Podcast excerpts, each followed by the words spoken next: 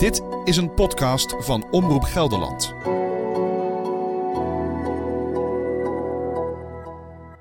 Ik had niet kunnen bedenken dat ook een vriendin van haar, die bij ons op school zat, daarbij betrokken zou kunnen zijn. En ik weet, werd door de buurman van Maya's ouders, die haalde me tijdens zo'n herdenkingsbijeenkomst, riep hij en zei, er is er ook eentje van jou bij betrokken. En nou, ik dacht dat ik door de grond zakte. Ik dacht, hoe kan dat nou?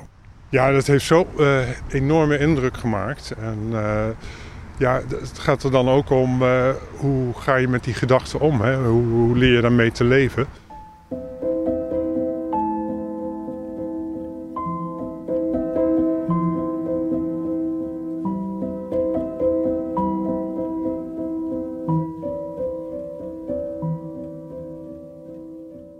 Als een leerling van een middelbare school overlijdt, is dat heftig. Maar wat gebeurt er met een school als de overleden leerling is vermoord? En dan niet door een of andere enge wildvreemde, maar door haar beste vrienden. En dat haar hartsvriendin van het moordplan op de hoogte is en niet aan de bel trekt. En dat die ook op diezelfde school zit. Het overkomt het Dominicus College in Nijmegen in november 2003. De 16-jarige Maya Braderic uit 4 VWO wordt door haar beste vrienden vermoord. Vanaf de eerste dag heb ik als verslaggeefster contact met de school. Nu, 20 jaar later, keer ik met docenten van toen terug en spreek ik met vriendinnen van Maya over de impact van deze moord. Mijn naam is Annemieke Schakelaar en dit is de podcast Maya Braderic voor altijd 16. Aflevering 2: Een geschokte school.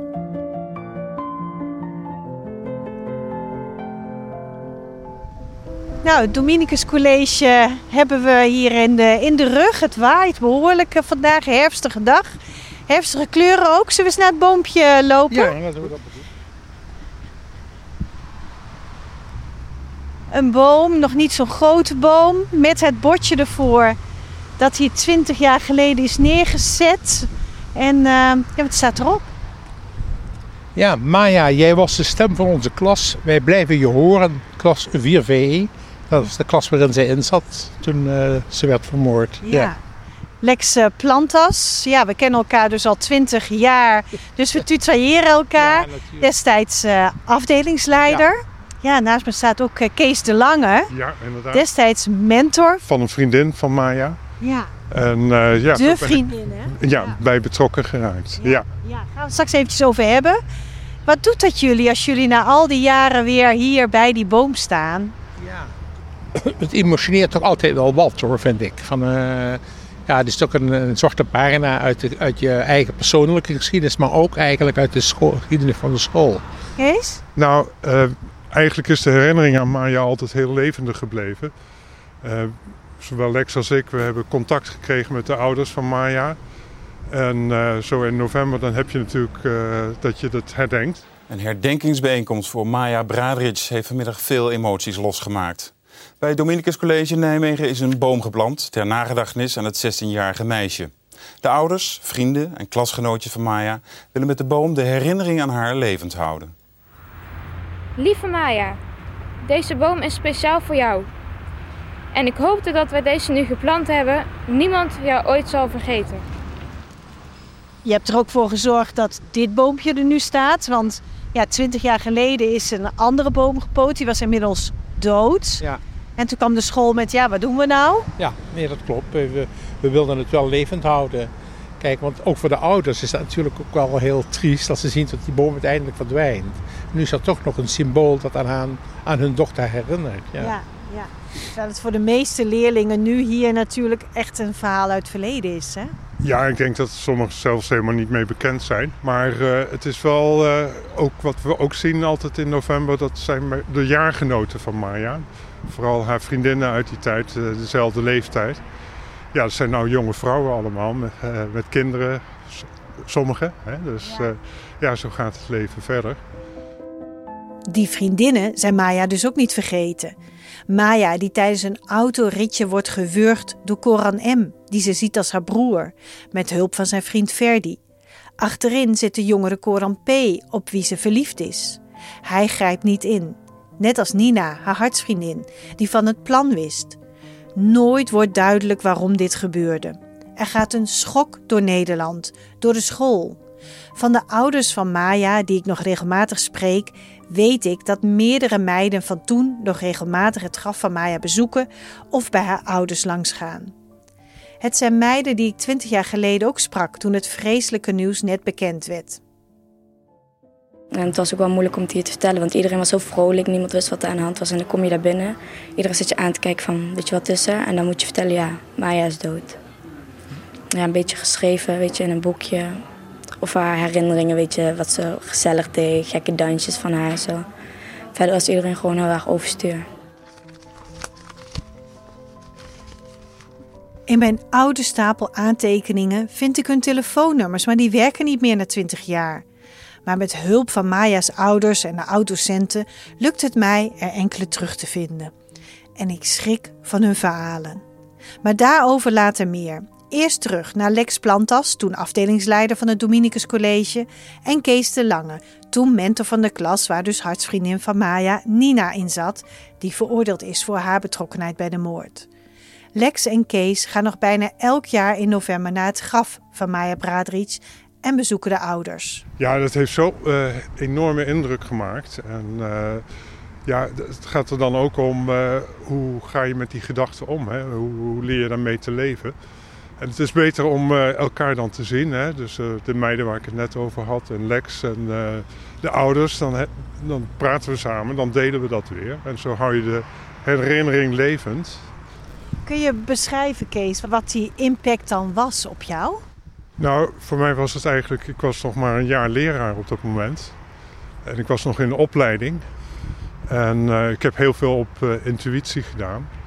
Maar ja, zo kort daarna heb ik hele grote twijfels gehad of ik wel uh, de juiste keus gemaakt had. Maar na een tijdje, ik, ik heb ook veel kunnen delen, ook met mensen met wie ik in de opleiding zat. Ik heb ook dingen opgeschreven in die tijd. Dat heeft me ook geholpen om het te verwerken. Allemaal dingen die herinner je. En uh, dat waren niet de fijne herinneringen, maar wel herinneringen die heel bepalend zijn voor je leven natuurlijk en hoe je ermee omgaat.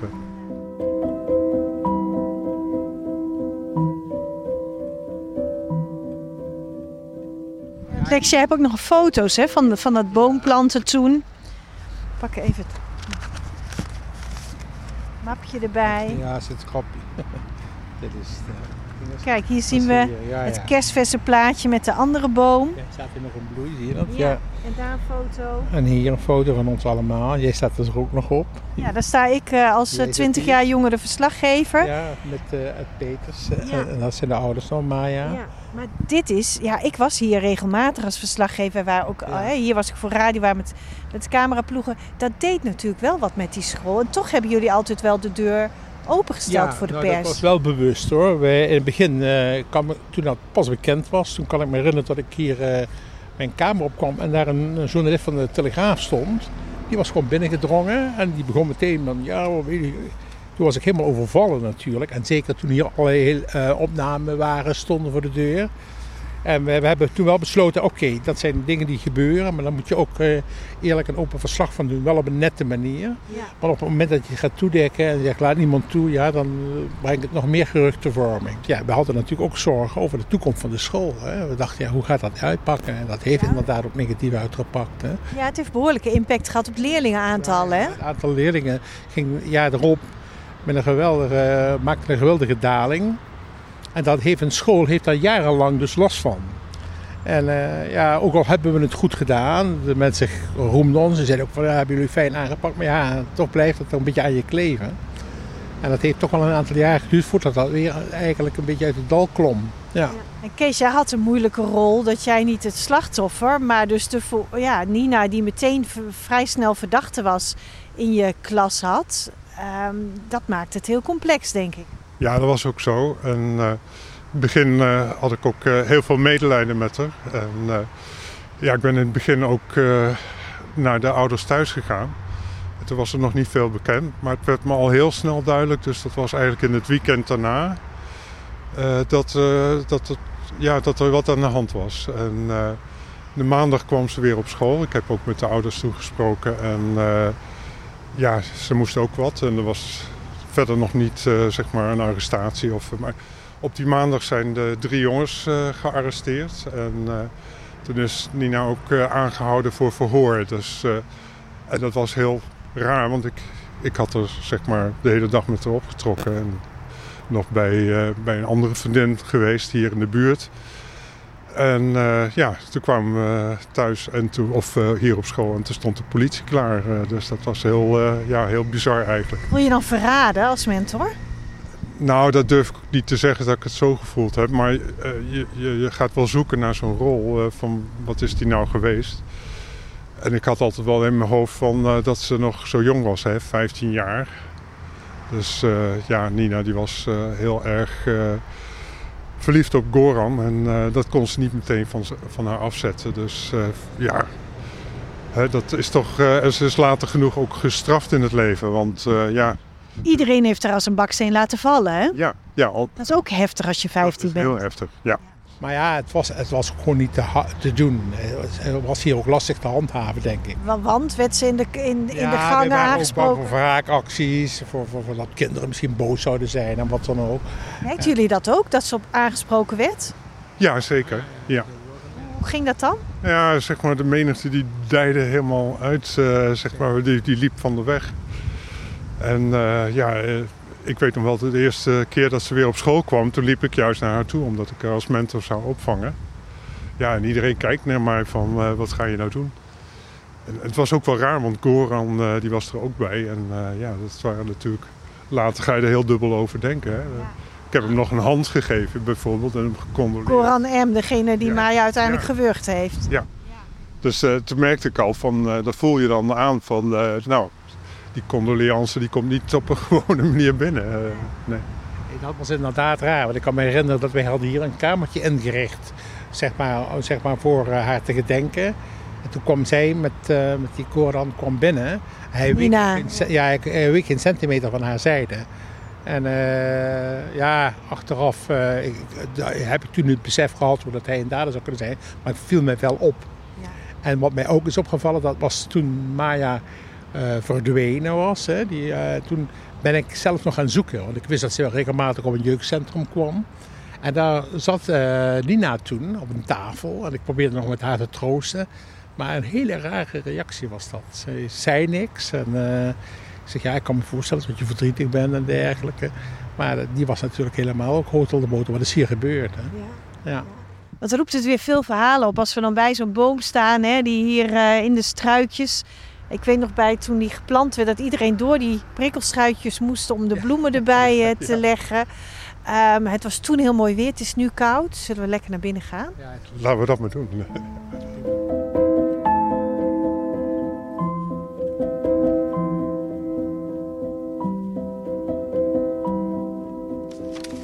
Nee, die heb ik niet meer. Dat is, uh, heb ik gisteren nog even dit zijn kaarten die we van mensen hebben gekregen. Ik heb hier een... Uh, Staat hier een... Een compliment voor alle die zorg hebben gedragen.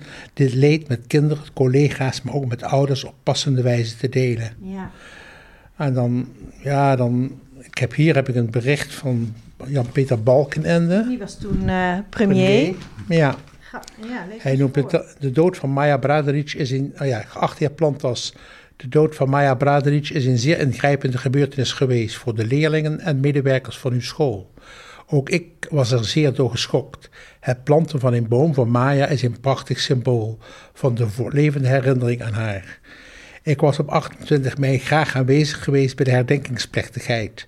Die dag ben ik echter in het buitenland voor een bijeenkomst met Europese en Latijns-Amerikaanse regeringsleiders. Daarom wil ik, u, wil ik u graag namens deze weg blijk geven van mijn betrokkenheid. Ik wens alle leerlingen, docenten en andere medewerkers van het Dominicus College veel kracht om het verdriet samen te verwerken. Jan-Peter Balkenende, ja. Ja, dat zegt wel iets over de impact die deze moord in Nederland had, hè? Ja, heel, heel apart. Er zijn natuurlijk al vaker moorden geweest. Maar ik denk dat het hele complex wat er is gebeurd, tot dat geweldig inbreuk heeft gemaakt. Ja. Dat moment, hè, de november 2003. Wanneer kregen jullie te horen, het, het, eerste moment dat jullie wat te horen kregen, was denk ik van de ouders van Maya is niet thuisgekomen. Dat klopt. Ik, ik was op mijn kamer aan het werk toen uh, de moeder van Maya binnenkwam.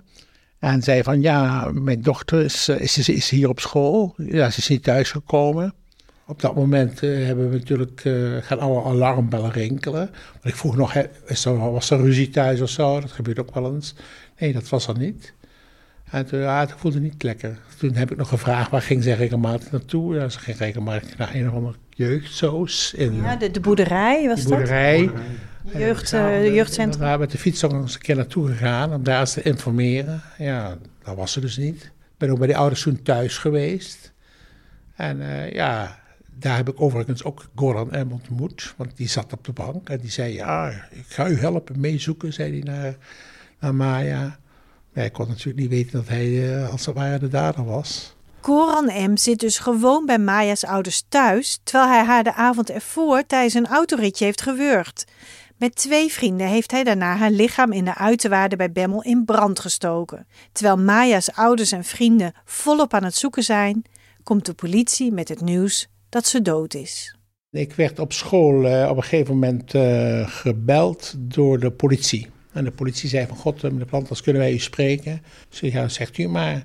Ja, zegt ik, doe dat liever persoonlijk, zei hij. En toen vertelde hij dus dat ze haar hadden gevonden. Maar ik was op dat moment wel even verlamd. Dus dat was natuurlijk een enorme schok. Ja. Wat gebeurt er dan met je? Ja, dat is zo verbijsterend.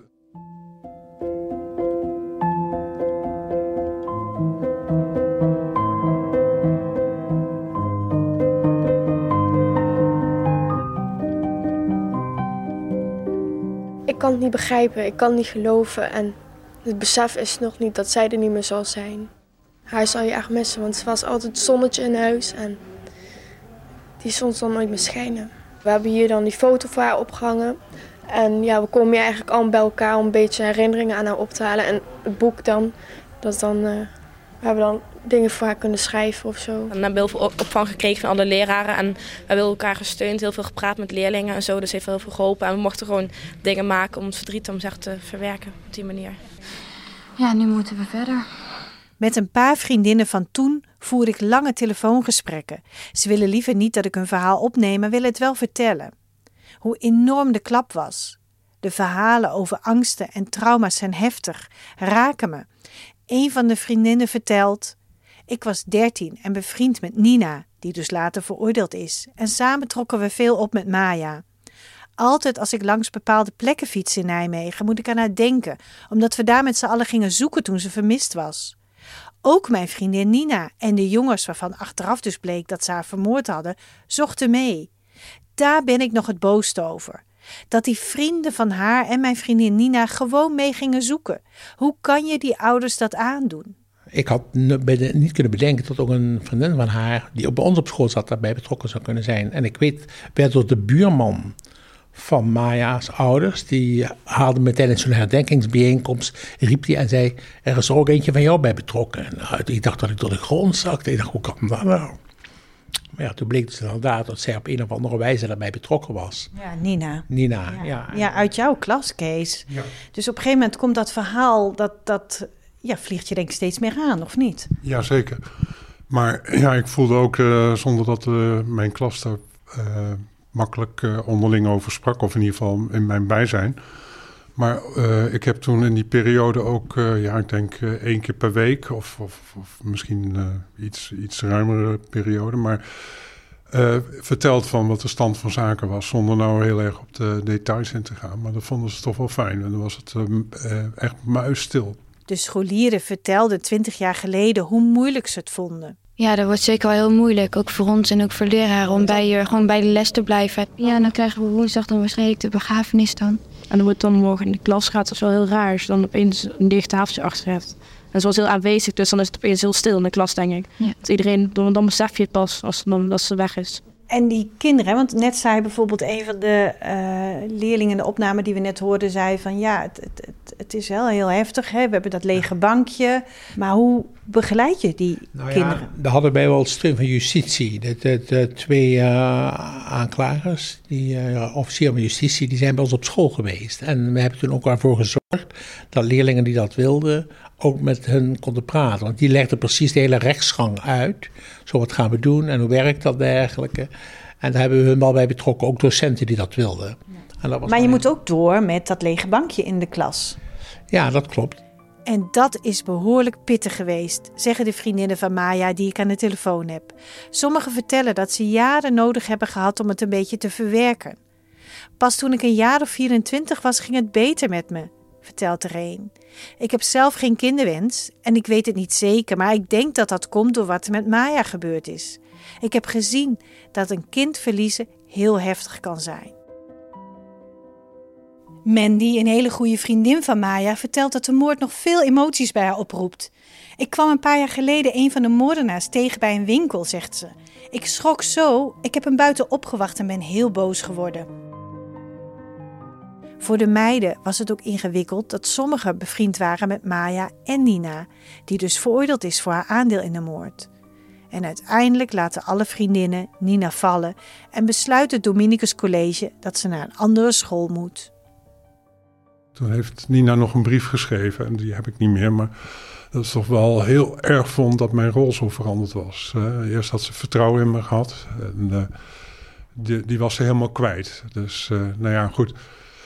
Eh, Wat deed dat met je? nou, op mijn leeftijd accepteer je dat dan. eh, hè, want je kunt niet zeg maar een soort dubbelrol blijven spelen. En heel erg betrokken zijn aan de ene kant. En aan de andere kant dat er vanuit die betrokkenheid gevraagd wordt van... je moet alles doen om, voor Nina. Dat, dat wilde ik niet. Dus, dat, En wat maakte dat je dat niet wil? Dat je, want je had ook kunnen zeggen van, goh, ik, ik moet zorgen dat ook dit meisje, ondanks dat ze hè, verdachte en later ook dader bleek te zijn, dat ze wel verder kan. Ja, nou, het zat er bij mij in om, eh, om, om duidelijk te maken dat, dat ze niet terug kon komen. En eh, dat was echt een enorme streep door hun rekening. Want ze dachten dat Nina haar- haar leven toch op een bepaalde manier weer kon oppakken. Maar dat ging echt niet op school. Dat ging echt niet op school, nee. Nou, Lexia zit ook te schudden. Nee, nee, dat klopt. Eh, we, we, we deden het ook voor haar eigen veiligheid. Hè. Kijk, eh, we, wisten natuurlijk wel welke emoties er speelden bij kinderen. En we dachten, nou, dat is ook beter voor niet. En ook docenten hadden daar wel moeite mee, hoor. Hoe professioneel ze ook vaak waren. Ja, toch iemand in de klas te hebben die die rol had gespeeld. Een van de vriendinnen heeft nog wel geprobeerd of ze Nina kon helpen, maar dat was toch te moeilijk, vertelt ze. Ze zegt: Deze moord op Maya heeft heel veel impact op mij gehad. Maar gelukkig denk ik nu niet meer alleen aan dat afschuwelijke terug, maar zie ik ook steeds vaker de leuke momenten met Maya terug. Ze was heel lief. Ook Lex en Kees hebben het een plek kunnen geven. Nou, ik, ik wou het niet vergeten. Dus eh, ik weet nog wel dat collega's zeiden toen eh, na een jaar of zo, van, eh, toen de herdenkingen geweest waren, van nou wil ik het van me afzetten. Nou, dat, het gevoel heb ik nooit gehad, omdat ik dacht, nou, het heeft zo impact gehad. Dus als je het met elkaar kunt blijven eh, dragen, dan is dat toch makkelijker. Hè, als je er nog over kunt praten met elkaar. En Lex en ik hebben dat vaak gedaan, bijvoorbeeld als collega's. Maar ook eh, het contact wat met, eh, met de ouders hebben. En, en juist met die leerlingen waar we het net over hadden. Met name de meiden, die, eh, ja, die horen daar ook bij. Dus eh, hè, die zien we veel. Nee, dat klopt. Ik vind bijvoorbeeld die bijeenkomsten die we op de begraafplaats hebben, ja, die vind ik heel waardevol. Ook eh, kun je laten zien, eh, ook al hoe triest het ook is, dat je toch nog wat kunt betekenen voor de nabestaanden. En dat doen ze, vertelt Zelkja Braderic, de moeder van Maya. Voor de microfoon wil ze niet praten, maar ze wil me wel iets laten zien. In de woonkamer toont eh Zelkja mij een mooi boekje. Dat was, eh, kijken, de reunie toen Maya tien jaar was overleden. Met eh, een foto van de herdenkingsboom. En allemaal foto's en berichten van docenten. Ze leeft nog voort bij ons, want je bent pas echt dood als de mensen je zijn vergeten. En gelukkig is hier bij haar geen sprake van. Maya, we zullen je stem blijven horen. En de groepsfoto van de klas, de reunie na tien jaar, waarbij Maya op een grote foto eh, in hun midden staat.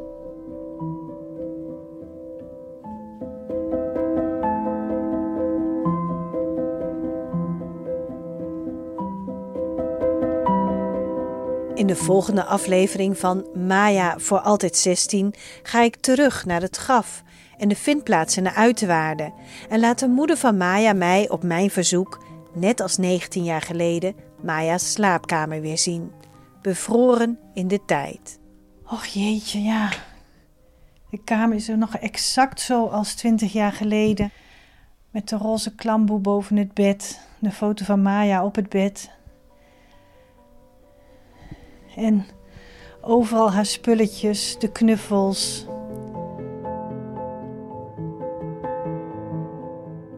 Deze podcast voor Omroep Gelderland maakte ik, Annemieke Schrakelaar, met dank aan Martin Tjallema voor de archieffragmenten, Gedo van der Zee voor de eindmontage, Joep Beving voor de muziek, oud-medewerkers van het Dominicus College Lex Plantas en Kees de Lange voor hun verhaal en Zelkja en Fadil Bradric voor hun vertrouwen in mij.